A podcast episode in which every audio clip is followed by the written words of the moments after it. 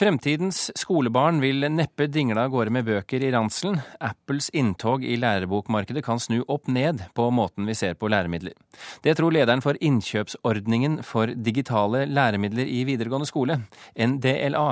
I går lanserte Apple det de kaller iBooks2, en nettbokhandel og plattform til enkelt å lage lærebøker. Dette vil forandre skolehverdagen, sier Øyvind Høynes i NDLA. Jeg tror først og fremst så ligger de i eh, praksis. Altså, vi endrer her litt praksis.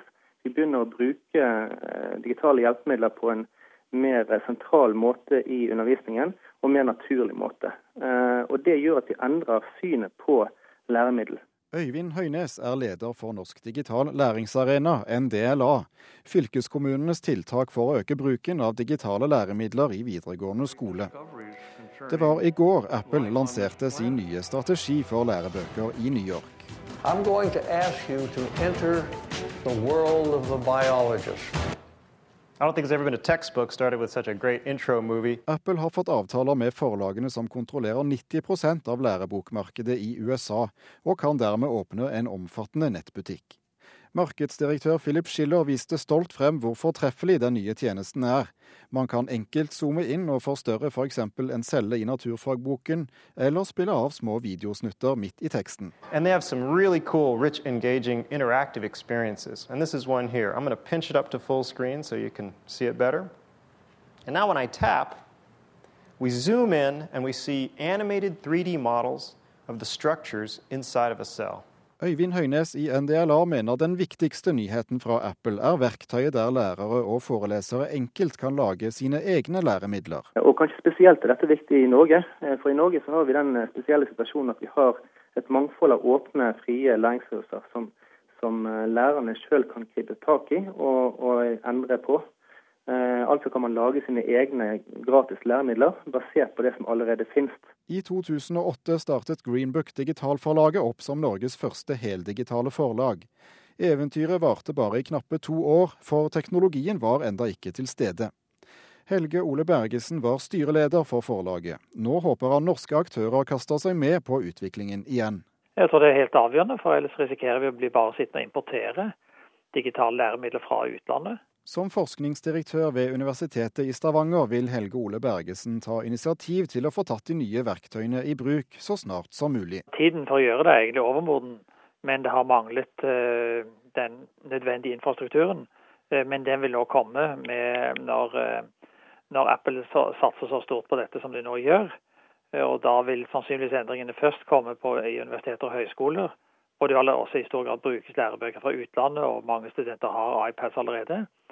Mens i skolen eh, kan det nok ta lengre tid, for der er det jo ikke elevene selv som kjøper inn, men det er kommunen og det offentlige som kjøper inn bøker. og Da er man jo avhengig av at eleven elevene har iPader, og det har de jo nødvendigvis ikke. Reporter i denne saken det var Thomas Alvarstein Ove. Øyvind Solstad, kommunikasjonsrådgiver og teknologiekspert i Karat. Er dette vi hører fra Apple her, er det bare store ord, eller står vi faktisk foran en lærebokrevolusjon? Det er jo store ord òg. Det er vel jo Alle amerikanske firmaer er jo flinke på det. Det som jeg syns er det spennende med det, er nettopp det at det fungerer så bra som det gjør.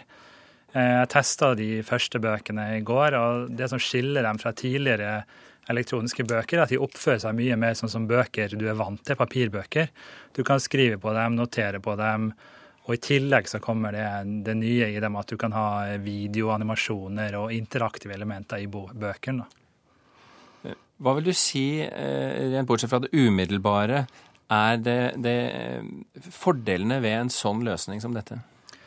Ja, Det som bl.a. blir sagt i innslaget, at du slipper å ha med deg et lass med bøker på skolen. Du kan ha med deg eh, bokstavelig talt hundrevis av bøker. Hele pensum på én plate er jo en sånn umiddelbar første ting jeg tenker på.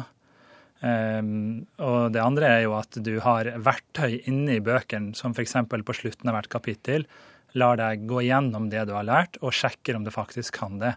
Som gjør at barn kan få hjelp til å gjøre leksene selv om ikke lærer eller voksne er til stede. Magne Aasbrenn, lektor ved Fredrik 2. videregående skole i Fredrikstad. Du har brukt dette nye verktøyet allerede i undervisningen i dag. Ja. hva, hva er ditt førsteinntrykk? Jeg lot det gå sport i det da, og, og laga ei lita lærebok i går kveld, som jeg da har brukt uh, i dag. Jeg, jeg tok uh, en tekst fra NDLA der som uh, Øyvind Dahl i faget kommunikasjon og kultur skriver om lesebrett. Hva er ditt inntrykk av, av metodikken her? Det som jo, jo, er spesielt, og som er, er, er, ligger jo til rette i Norge nå, er at NDLA har tilgjengelig innhold som det da er temmelig enkelt å putte inn i en mal som uh, Apple da leverer. Og dermed så, så, har du en slags lesebok som du kan bruke i uh, Eller skolebok som du kan bruke med klassen. Men Apple eh, kaller jo dette en læremiddelrevolusjon. Eh, og vi vet jo at de har revolusjonert bransjer før. Likevel, er du enig med dem i, i dette? Er det såpass stort?